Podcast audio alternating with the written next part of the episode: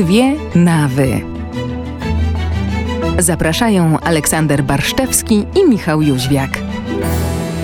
Witamy serdecznie. Aleksander Barszczewski i Michał Jóźwiak. E, w dzisiejszej audycji chcielibyśmy trochę się przenieść w czasie, w tym sensie, że chcielibyśmy wrócić do tematów, e, które mm, były wcześniej, pojawiały się w mediach, w opinii publicznej. Do tematów misyjnych. Tak, tematów misyjnych, e, których nie skomentowaliśmy. Nie czuliśmy się też do tego przygotowani tak do końca merytorycznie. Chcieliśmy trochę się w temat wgłębić i chciałbym powiedzieć, że teraz jesteśmy merytorycznie dobrze przygotowani, ale no, jesteśmy na pewno lepiej przygotowani, bo, bo trochę na ten temat poczytaliśmy, dowiedzieliśmy się e, i, i, jakoś e, staraliśmy się do tego przygotować jak najlepiej, natomiast no, też nie jesteśmy ekspertami, choć temat jest bardzo ważny i myślę, że, że warto by było też, żebyśmy się do niego odnieśli, a chodzi o szkoły rezydencjalne. To jest temat, e, który no, jakieś, jakieś kilka tygodni temu bardzo mocno funkcjonował w mediach katolickich, ale nie tylko. E, dochodziło do bardzo takich dużych emocji w sferze publicznej w Kanadzie. E, palono kościoły, obrzucano pomniki Jana Pawła II. E, dotyczy, dotyczy ten temat bardzo mocno kościoła, więc w związku, w związku z tym pojawia się właśnie w naszej audycji także. Krótko może zanim skomentujemy i tak jakoś podsumujemy ten temat, to może wyjaśnienie na początek, czym w ogóle były szkoły rezydencjalne. To były szkoły, które w Kanadzie funkcjonowały od 1831 roku, aż formalnie przynajmniej do 1996 E, były prowadzone przez e, wyznanie chrześcijańskie w imieniu rządu, więc tutaj mhm. no, było pewne napięcie właśnie między instytucjami państwowymi e, i, i Kościołem, dlatego że no, to nie były szkoły, które Kościół sobie wymyślił i je prowadził, tylko właśnie w porozumieniu z rządem kanadyjskim były prowadzone. System ten został stworzony w celu usunięcia rdzennych dzieci spod wpływu ich własnej kultury i włączenia w dominującą kulturę kanadyjską. I w ciągu ponad stuletniego e, istnienia tego systemu około 30% dzieci e, tamtejszych, czyli około 150 tysięcy, dzieci, zostało umieszczonych e, w szkołach z internatem. No, dochodziło tam do dużych nadużyć, mówiąc krótko i tak no, w dużym takim skrócie. Szkoły były prowadzone także przez e, misjonarzy oblatów, e, dlatego ojciec Paweł Zając, prowincjał e, polskiej prowincji, się na ten temat wypowiadał, innymi w telewizji Republika, czy na portalu Onet, na portalu misyjne.pl także można znaleźć jego wypowiedzi na ten temat. To, co cieszy i, w kontekście całej debaty o Kościele jakoś daje takie bardzo pozytywne E, wrażenie, to to, że Kościół rzeczywiście przyznaje, że to nie był dobry system, e, że to był system opresyjny, e, który no, powodował, że dzieci były zabierane od własnych rodzin i wtłaczano im zupełnie nową kulturę, nowy, nową wiarę w sposób taki, no, można powiedzieć, przemocowy. I Kościół całe szczęście, patrząc na to z perspektywy czasu, ocenia to jednoznacznie i mówi o tym, że że, że, że było to absolutnie działanie złe i nieprawidłowe. Mówił o tym też papież Jan Paweł II, kiedy był w Kanadzie. E, natomiast no, oczywiście te deklaracje i te, te słowa nie mogą przysłaniać wielkiej tragedii, która się wydarzyła. Znaleziono w ostatnim czasie e, kilkaset e, grobów tych dzieci. To nie były groby masowe, jak to się często mówiło, tylko po prostu groby nieoznakowane. To nie jest tak, że one. Bo groby masowe gdzieś nam się od razu kojarzą, mm -hmm. nie wiem, z Katyniem na przykład, tak, gdzie, gdzie po prostu no, było jakby regularne zaprogramowanie, mordowanie ludzi. No tutaj nie, nie miało oczywiście nic takiego miejsca ale no oczywiście, nie wiem, choroby, e, jakieś problemy zdrowotne nie były e, leczone tak, jak powinny być, tylko po prostu no, no te dzieci traktowało się e, dużo gorzej i, i w związku z tym po prostu umierały. Mm, no właśnie, i, stanowisko Kościoła jest e, całe szczęście jednoznaczne, ale mimo tego emocje w sferze publicznej w Kanadzie szczególnie są bardzo duże i dochodziło do, do takich no, manifestacji, spaleń kościołów, ataków na, na miejsca kultu. E, powiedz, jak ty jako historyk patrzysz na, na te kwestie? Znaczy, wiesz co, bo to jest w ogóle ciekawe e, z takiego punktu widzenia historycznego. W, w historii mm, jest teraz bardzo popularna nie wiem, czy szkoła, czy, czy nurt, można powiedzieć, e, mm, w historii, mm, jeśli chodzi o historię postkolonialną, mhm. kolonialną i postkolonialną.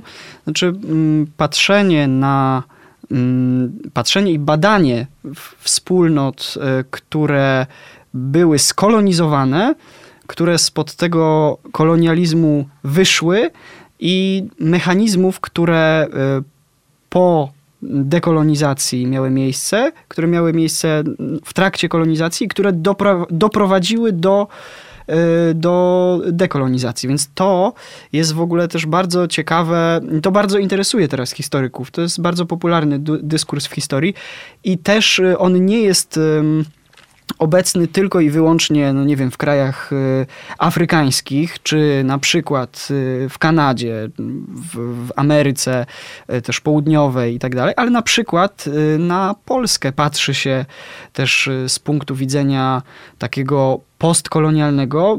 Od bardzo, bardzo dawna mówił o tym na przykład publicysta Rafał Ziemkiewicz, chociaż on patrzy na to z takiego punktu widzenia politologicznego, to jest też bardzo ciekawe spojrzenie, myślę, ale patrzenie na Polskę jako, jako kraj, który był skolonizowany, jakie występują u nas mechanizmy po tym, e, po dekolonizacji, no bo formalnie od 89 nie jesteśmy już skolonizowani, więc jakie następują e, mechanizmy myślowe i, i też polityczne, to wszystko jest przez historyków obecnie badane. W związku z czym ta Kanada i mm, szkoły rezydencjalne, które miały przecież na celu no, y, kolonizację mm, umysłów przede wszystkim tych dzieci, to jest też bardzo ciekawe zagadnienie, myślę, dla historyków, dla psychologów, e, dla historyków psychologii i, i, i tak dalej. Wszystkiego, co jest tutaj w tym, e, w tym przekroju, nie? się mieści. Mm, no bo e, sama idea, żeby oderwać takie dziecko od rodziców, od kultury, od języka przecież, no bo one, mhm. chociaż no, no nie nie można było, nie wiem, oduczyć ich tego języka, mhm. no to jednak zakazywano im mówić e, w języku ojczystym, e, uczono ich e, nowego języka, tylko w nim mieli się porozumiewać. To nam przypomina trochę czasy kulturkampfu, trochę czasy germanizacji, rusyfikacji, kiedy też przecież polskim dzieciom zakazywano mówić w języku polskim. To, to jest obecne i myślę żywe w naszej literaturze. Uczymy się o tym w szkole, y, więc to też możemy porównać sobie, z, myślę, z, z takim procesem trochę. E, no więc y, te dzieci odrywało się od, y, od ich rodzin, odrywało się od ich kultury i starano się wtłoczyć im nie tylko Ewangelię, tak? W sposób też dość osobliwy. To o tym pewnie zaraz też będziemy troszeczkę mówić ale starano się wpoić im nie tylko e, Ewangelię, przesłanie mm, i, i religię, ale też e, i nie tylko pewien system moralny, który nam narzuca, czy który wynika z religii chrześcijańskiej, ale też e, pewien sposób myślenia i pewne zachowania charakterystyczne dla cywilizacji zachodniej, dla cywilizacji łacińskiej. To jest, e, to jest sposób myślenia, który mm, jest obecnie przez Kościół absolutnie odrzucony, w sensie taki sposób ewangelizowania. Raczej mówi się o inkulturacji, czyli o mm, wchodzeniu z przesłaniem e, Ewangelii w tę kulturę, e, w której się głosi, tak? O tym, żeby, żeby mm, ci ludzie którzy są osadzeni w jakiejś kulturze, którzy żyją w taki, a nie inny sposób, mogli do siebie, do swojego życia zastosować y, prawdy Ewangelii, które są oczywiste. Więc y, no to, jest, y, to jest coś, co Kościół myślę, że bardzo dobrze, mm, że odrzuca. No i co było takim jakby, myślę, że kluczem mm, tutaj tym takim zupełnie podstawowym, takim błędnym założeniem, które legło u podstaw tych szkół rezydencjalnych, nie? że one nie, nie chciały tylko podnieść poziomu e, życia tych, tych ludzi, tych, tych dzieci, no i przez te dzieci całych tych e, środowisk inuickich, e, tylko mm, tylko je skolonizować w mhm. gruncie rzeczy, nie? Tak, zastosować przemoc, taką kulturową. Tak, przemoc kulturową. I wy, no. też religijną. No i ta przemoc miała miejsce, nikt tym, te, tym faktom nie przeczy. Natomiast bardzo też niepokojące jest to, co się dzieje wokół tego, bo mamy, mam wrażenie, takie bardzo ahistoryczne spojrzenie na, na ten temat. I, I tak jak teraz reakcje takie bardzo wrogie wobec Kościoła no pewnie jakoś emocjonalnie, patrząc na, tylko na emocje, można by było próbować chociaż usprawiedliwić, czy, czy zrozumieć, o, może bardziej zrozumieć. Natomiast, no tak jak mówisz, jakby mamy pewną też epokę historyczną, w której dochodziło do pewnych konkretnych mechanizmów. One się wiązały także z kompletnie nieludzkimi nadużyciami, e, których z naszego, które z naszego punktu widzenia musimy e, koniecznie odrzucić, powiedzieć, powiedzieć, że one były złe, nazwać je jakoś e, po imieniu. Natomiast no, musimy też przyjąć i, i w ocenie tej sytuacji patrzeć na to, jak Kościół reagował wtedy w konkretnej epoce historycznej. Nie? Natomiast mam wrażenie, że dzisiaj bardzo chętnie no, znowu wykorzystuje się tego typu fakty, które przecież były znane. To nie jest jakieś nowe odkrycie. To nie jest tak, że e, w 2021 roku odkryto, hej, było coś takiego jak szkoły rezydencjalne i Kościół w tym uczestniczył. Hmm. Nie, no to było wiadomo, że te szkoły są. One przecież funkcjonowały, tak jak wspomniałem, do 1996 roku formalnie, chociaż oczywiście były no, stopniowo też wygaszane. Mm, natomiast to nie jest jakieś odkrycie, a mam wrażenie, że w przestrzeni publicznej, no pewnie w świadomości wielu osób, w mojej także, no bo jakoś nigdy z tym tematem się e, blisko nie spotkałem. Miałem pewnie gdzieś świadomość tego, że, że, że taki mechanizm był, no bo przecież, tak jak mówisz, to się wpisuje w cały jakby nurt kolonialny w ogóle. E, natomiast pojawiło się y, jakby nowe sformułowanie w sferze publicznej, jakaś taka wrzutka szkoły rezydencjalne, kościół, coś złego, nadużycia, e, nieoznakowane groby, więc trzeba teraz atakować kościół za to, że uczestniczył w takim procederze. Mm, oczywiście, Kościół y, jasno, całe szczęście to ocenia y, negatywnie. My też na to musimy patrzeć negatywnie, natomiast no, myślę, że taka postawa wrogości niewiele wnosi e, do, do dyskusji, no bo ona tylko pokazuje, że jest jakieś myślenie historyczne tutaj obecne. Tym bardziej, mhm. Że tak się wtrącę, że sami liderzy tych ruchów inuickich i e, no nie wiem, osoby, które przetrwały,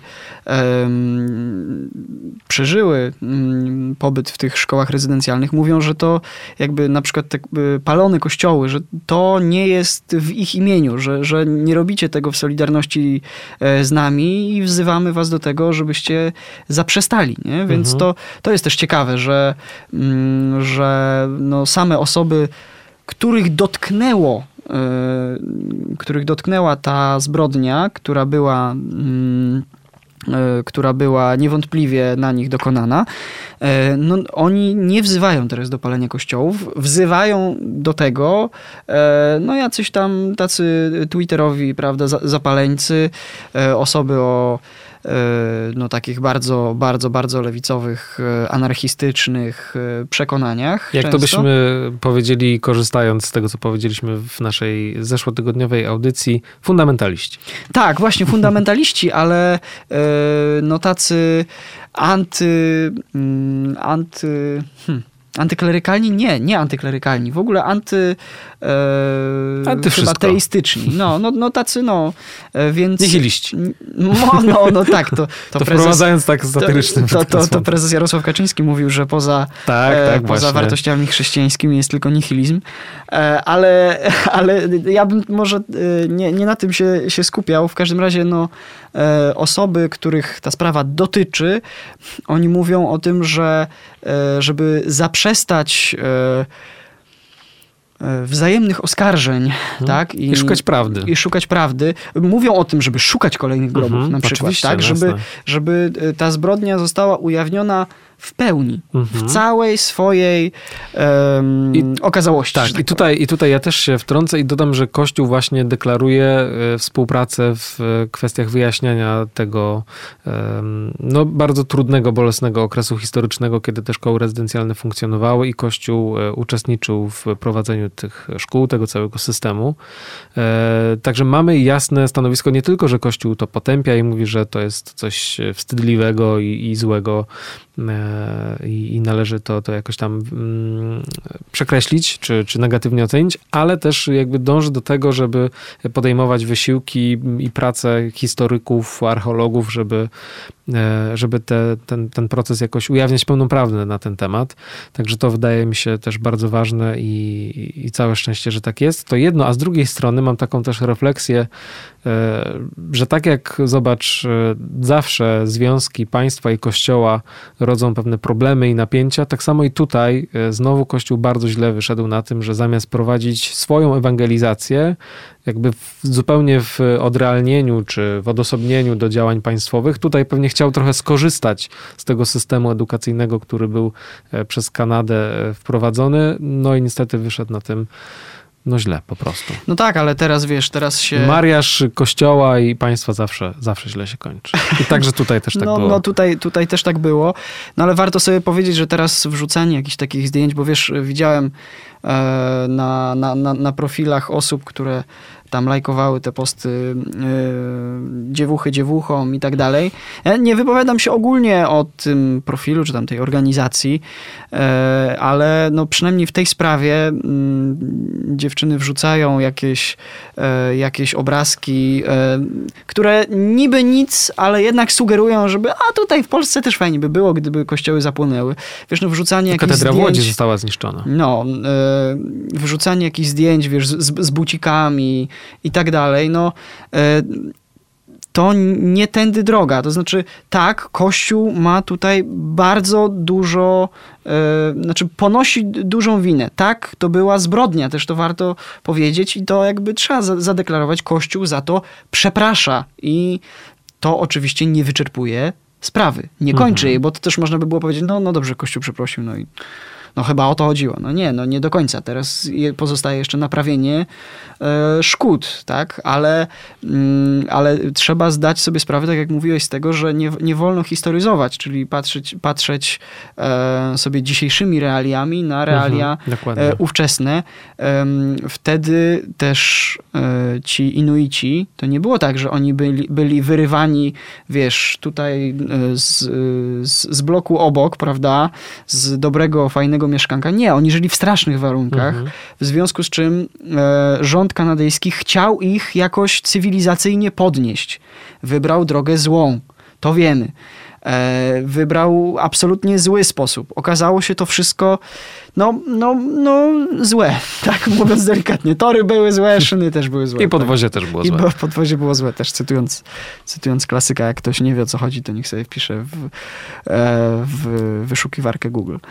Natomiast Natomiast y, to też wynikało z, z, pewnych dobrych y, pobudek. To nie było tak, że katoliccy misjonarze po prostu y, pełni takie w jakimś opętańczym szale, chcąc po prostu, nie wiem, napoić się inuicką krwią i zrobić sobie, nie wiem, z tych dzieci macę po prostu tam weszli i zaczęli te dzieci mordować. No, to, to nie tak. Chciano tych ludzi podnieść cywilizacyjnie, wybrano zły sposób, e, przyczynili się do, się do tego ludzie Kościoła, więc Kościół powinien za to przeprosić i odpowiedzieć i e, naprawić szkody. To jest dla nas jasne i oczywiste. Natomiast no, też nie było tak, że Kościół to wymyślił, Kościół teraz należy z tego tytułu zniszczyć. No wiemy, że e, część ludzi pewnie chciałaby takiej narracji, ale ona też jest po prostu nieprawdziwa. No, mhm.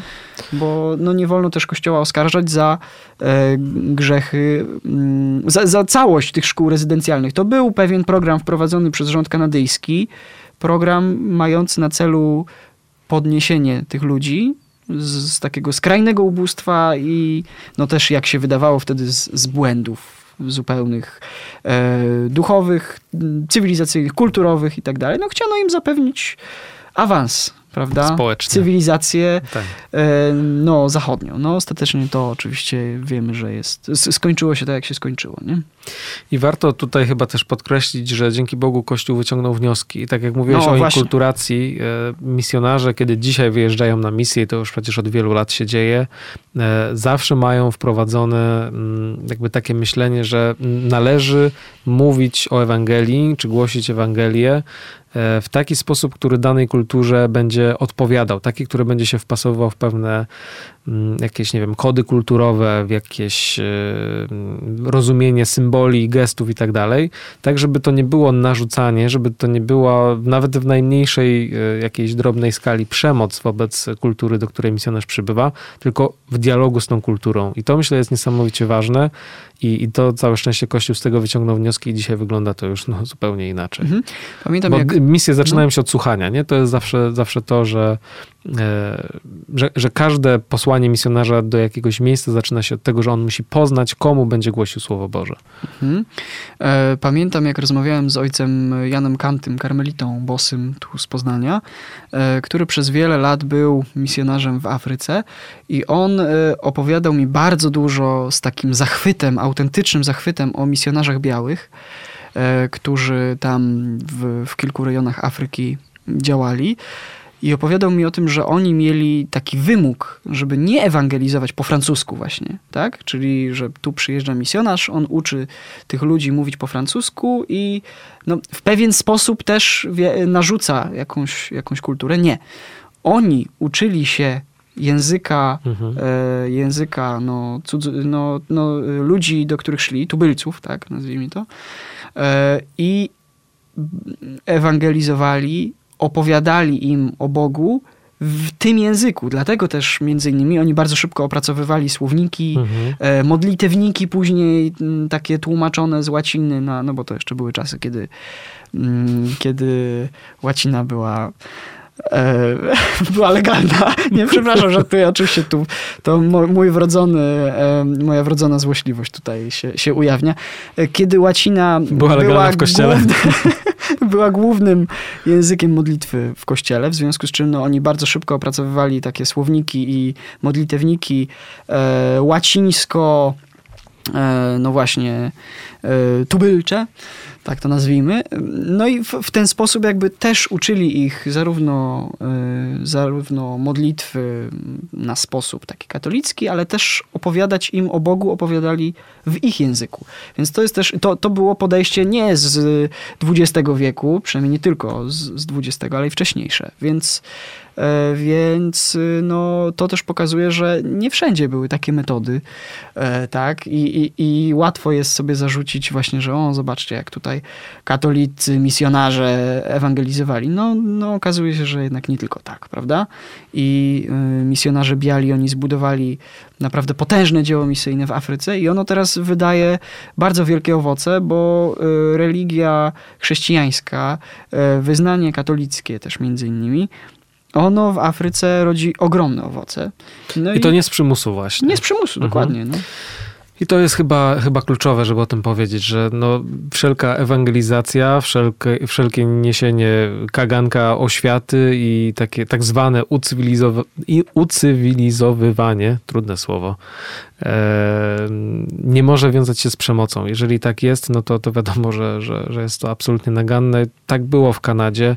Dobrze, że Kościół to potępia i, i warto też, żebyśmy o tym pamiętali, a nie gdzieś na siłę próbowali obwiniać Kościół, patrząc zupełnie jakoś ahistorycznie na to e, i, i, gdzieś tam wykorzystywać to jako element e, do walki z Kościołem. No, Mhm, a wiesz, to, to jest nieuczciwe. E, przepraszam, bo ale tak wrócę jeszcze do tej rozmowy z ojcem Janem Kantem, bo ona na mnie, pamiętam, zrobiła duże wrażenie, ale ja też... Ja pamiętam. Tak? Pamiętasz? Oczywiście pamiętam. No, no, no. Pamiętam, że też dużo czasu zajęła. Tak, zajęła. A to jest natura, no, natura um, um, osób duchownych już w e, wieku podeszłym, które mają dużo czasu. E, no i mm, wspominają też, te wspomnienia są dla nich ważne. W związku z czym, no, no, no było jak było. Ale, y, ale tak, ojciec Jan Kanty opowiadał mi, pamiętam, że y, bardzo dogadywał się wtedy z y, imamem Mhm.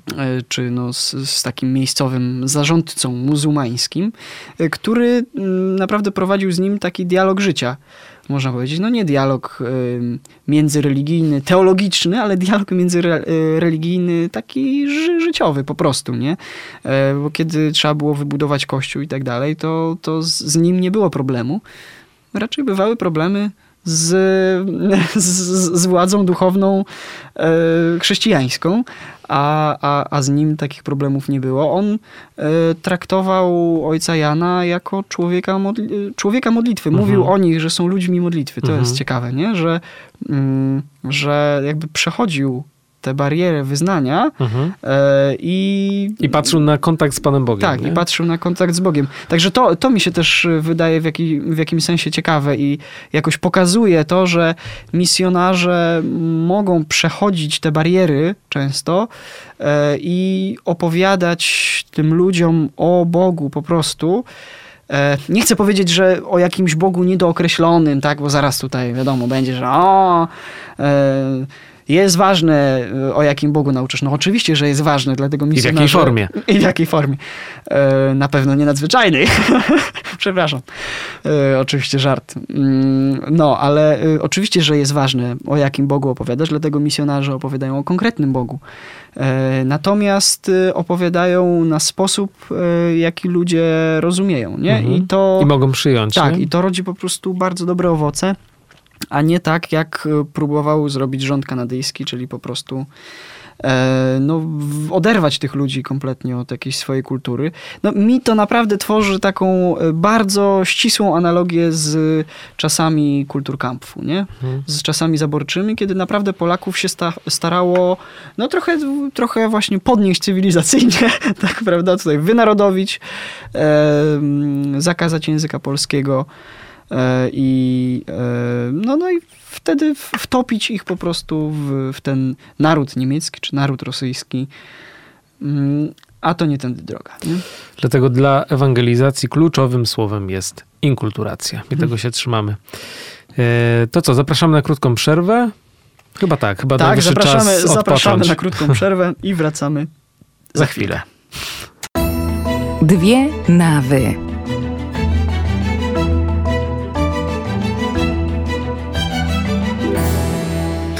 Aleksandrze, zacznę od takiej e, delikatnej uszczypliwości po, e, po tej przerwie. Mieliśmy nie wracać do tradycyjnych custodes, custodes, ale przyszła mi taka, e, taka myśl, że zobacz, w kościołach można już teraz nawet szczepić niemalże, ale starej liturgii odprawiać nie można. Jak mszy. niemalże? Można szczepić, no Można szczepią. szczepić, tak. Właśnie, chcielibyśmy o tym trochę porozmawiać, bo no może nie w samych kościołach, nie w budynku kościoła, ale, ale przy parafiach, czy przy kościołach, przy budynkach parafialnych, po mszach świętych e, dochodzi czasem do e, szczepień po prostu w ramach takiej zachęty, żeby dbać o swoje zdrowie, swoje i bliźnich, żeby nie rozprzestrzeniać e, wirusa i, i zatrzymać jak najszybciej pandemię. Mm, Organizowane są akcje szczepień w parafiach.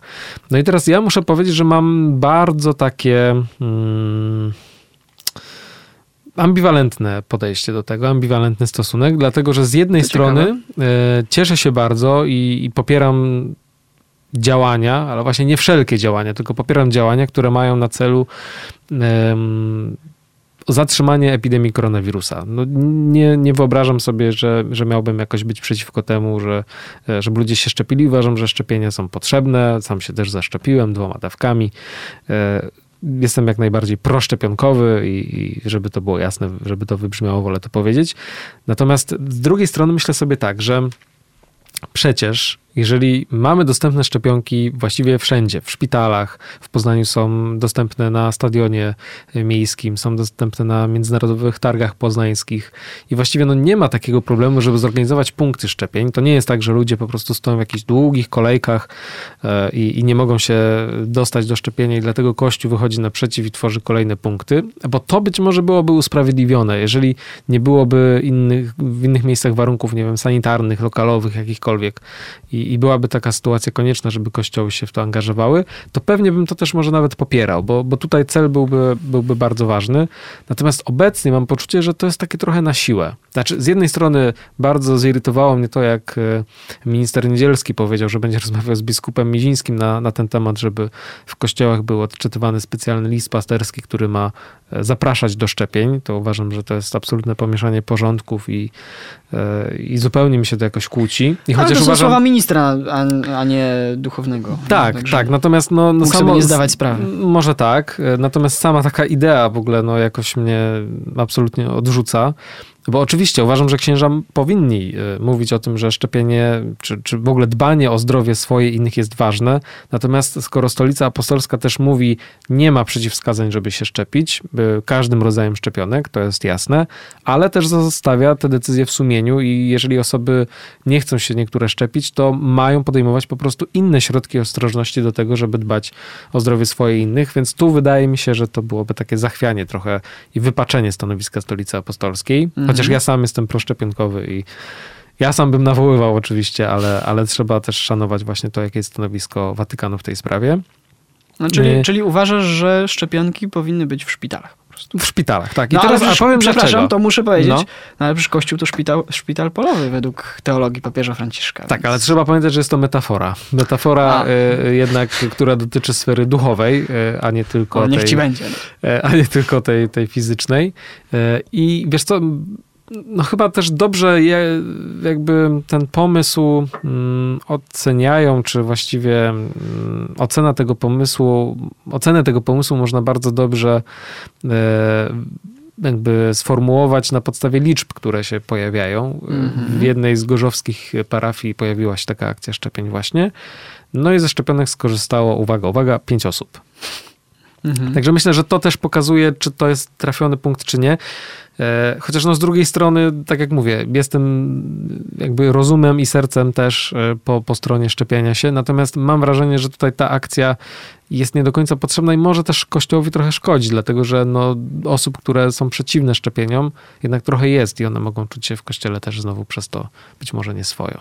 Ale nie wiem, mam, mm mam jakieś takie mieszane uczucia Taki w tej mętlik w głowie. Mam mętlik, tak. No, no, znaczy na pewno jakieś, yy, wiesz, szczepienia w w samym kościele, to wydaje mi się, że to w ogóle by było um, jakieś też pomieszanie z poplądaniem. Tak jak mówiłeś na początku, że zaraz można by było szczepić na ołtarzu, ale stare mszy nie można by było sprawować. Nie, no dobra, ale tak zupełnie na poważnie to, mm, to, to, to faktycznie to by było pomieszanie. No jeśli to jest w jakimś tam w jakimś tam budynku parafialnym czy coś takiego, no to faktycznie gdyby była e, potrzeba taka, no, no naprawdę by nie było miejsc, albo trzeba by było natychmiast zaszczepić po prostu mnóstwo ludzi. Wiemy, że tak jest, tak, ale nie ma tylu na przykład, szczepionek. Tak, nie? na początku był bardzo trudny dostęp do szczepionek, że naprawdę no. czekało się około miesiąca na przykład na podanie pierwszej dawki, to, to wtedy wiem, że nie, na niektórych plebaniach takie akcje były organizowane i wtedy na plebaniach tak. rozumiem, tak, fajnie, tak, że, że tak, Kościół tak, udostępnia miejsce, żeby, żeby można było łatwiej, szybciej szczepionkę dostać. Tak, natomiast y, no, no właśnie, tworzenie takich y, akcji na siłę, ja, y, wydaje mi się, że wiem, co za tym stoi. To znaczy e, pewna mm, taka refleksja, że część osób, szczególnie starszych, ale też nie tylko, nie ma zaufania w tej kwestii do instytucji państwowych i łatwiej będzie im mm, no, przeżyć, że, że, tak powiem, czy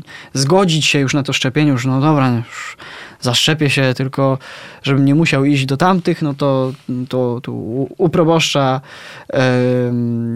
czy, czy u wikarego gdzieś tam w budynku e, się, się, się zaszczepię. Nie? Także rozumiem, że pewnie taki proces logiczny tam gdzieś e, u jakiegoś decydenta zaszedł i pewnie stąd to się wzięło. Natomiast no właśnie, jak powiedziałeś, liczby jednak pokazują, że być może nie był to, no nie była to może słuszna diagnoza po prostu. Tak? Znaczy ja myślę, że wiesz co, Ministerstwo Zdrowia prawdopodobnie chciało wykorzystać tutaj autorytet Kościoła też do, do tej kwestii szczepień i mam wrażenie, że słowo wykorzystać jest bardzo adekwatne. Mhm. E, to znaczy ktoś tutaj chciał się podeprzeć, no, no ludzie chodzą do kościoła, są wierzący, no to, no to niech proboszcz w, w takim razie przekona, no bo proboszcza ludzie słuchają. I, I, mam wrażenie, że to jest takie bardzo, bardzo nie fair. Mhm. No no, bo to jest y, instrumentalne Bo co innego, jeżeli jest, y, jest zapotrzebowanie, tak? Są ludzie, którzy chcą się szczepić, ale nie mają gdzie i wtedy proboszcz mówi, dobra, słuchajcie, to u mnie na plebanii zorganizujemy. Będzie płyn do dezynfekcji, będą rękawiczki, będzie miejsce, gdzie mogą się ludzie zaszczepić. A co innego, jeżeli uczestniczymy w jakimś programie e, takim informacyjnym czy propagującym szczepienie. Tak. To już wydaje mi się krok za daleko i jest to krok taki po prostu niepotrzebny. Mhm, no, Szczególnie no. mając na uwadze stanowisko Watykanu, nie? które mówi, tak, szczepionki można, wszystkie, każdy rodzaj, jak ktoś tam sobie wybierze, jaki ma dostępny, no bo tu też było niestety bardzo dużo takich fake newsów. Ludzie mówili, że się nie będą szczepić, bo tam w środku są abortowane płody, nie? Więc, no, no tak. A znaczy, więc ale wiesz, apostolska wydała bardzo konkretne Ale słuchaj, do dzisiaj, do dzisiaj jest taka narracja wśród naprawdę wielu, wielu znajomych mi ludzi dominuje takie przekonanie, że no skoro te szczepionki w jakikolwiek sposób mają no, styczność, korzystają z przemysłu aborcyjnego, no to w takim razie należy to w całości mm, odrzucić, nie? No, tylko właśnie, no, to jest problem bardzo szeroki, no bo to, e, bo to mm, równie, równie dobrze wtedy trzeba by było zrezygnować, nie wiem, z, z wielu leków przeciwbólowych, które przecież badane są w ten sam sposób, ale o tym się jakoś, jakoś wielce nie mówi. Także no, faktycznie ta, e, ta narracja, mm, czy cały ten dyskurs szczepionkowy w ogóle, on jest pełen fake newsów, naprawdę i e, no, my też ponieważ nie jesteśmy specjalistami w temacie, e, to, to też e, no, staramy się po prostu rozczytywać, e, gdzie możemy i te, te fake newsy sobie obalać, wiadomo. Natomiast no, nie jest to takie proste i myślę też, że, że Kościół właśnie no, na pewno Mm, nie powinien e, angażować się, czy nie powinien dać się instrumentalnie wykorzystywać, nie? W momen- na siłę, no bo w momencie, kiedy przecież byłaby potrzeba taka ludzka, zwyczajna potrzeba, no jest epidemia, y, państwo potrzebuje zaszczepić y, bardzo dużo ludzi, nie ma już miejsc, więc prosi Kościół, mm, no to wtedy mhm. myślę, że użyczenie budynków parafialnych to by był to by była rzecz zupełnie naturalna. Mhm. Tak? No, I to się też działo. I tak, to, i to się też działo. Jak najbardziej Natomiast myślę, no, w okay. momencie, kiedy, kiedy nie ma takiego zapotrzebowania, to... Kiedy właśnie trzeba namawiać ludzi do szczepień, bo nie chcą się szczepić, niestety, no to no, to no. uczestniczenie w takiej akcji to już jest trochę no, wyrost. Nie? No dobrze, to widzisz, to dwie nawy tutaj akurat w tej sprawie zgodne. Nie są dwiema nawami. Chociaż tak. może jakaś inna perspektywa delikatnie faktycznie tutaj może się urodziła. Tak, tak, tak.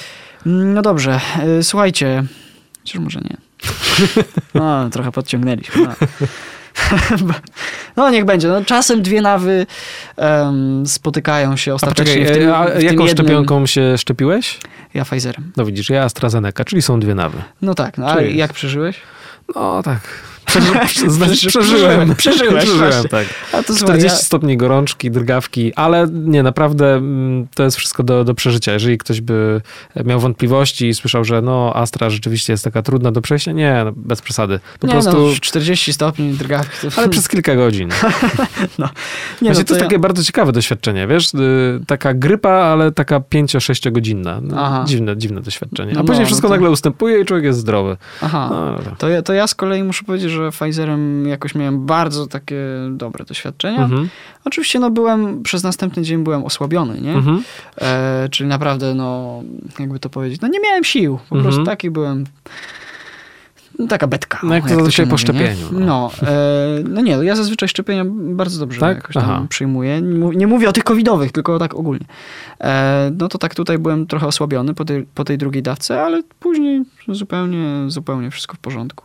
Także może, może proces e, ten e, implementacji tutaj tak wgrywanie, wgrywanie wirusa zostało u mnie zaszczepione bez jakichś większych tutaj e, problemów. No, zobaczymy, jakie będą wyniki. W każdym razie tak czy inaczej polecamy chyba, nie? Zgodnie. Tak, Zgodnie tak, polecamy, ale inne szczepionki. Zgodnie polecamy, ale inne szczepionki, tak jest. Słuchajcie, słyszymy się za tydzień. Jest piękna pogoda, także korzystajcie. No i trzymajcie się, do usłyszenia. Do usłyszenia. Dwie nawy.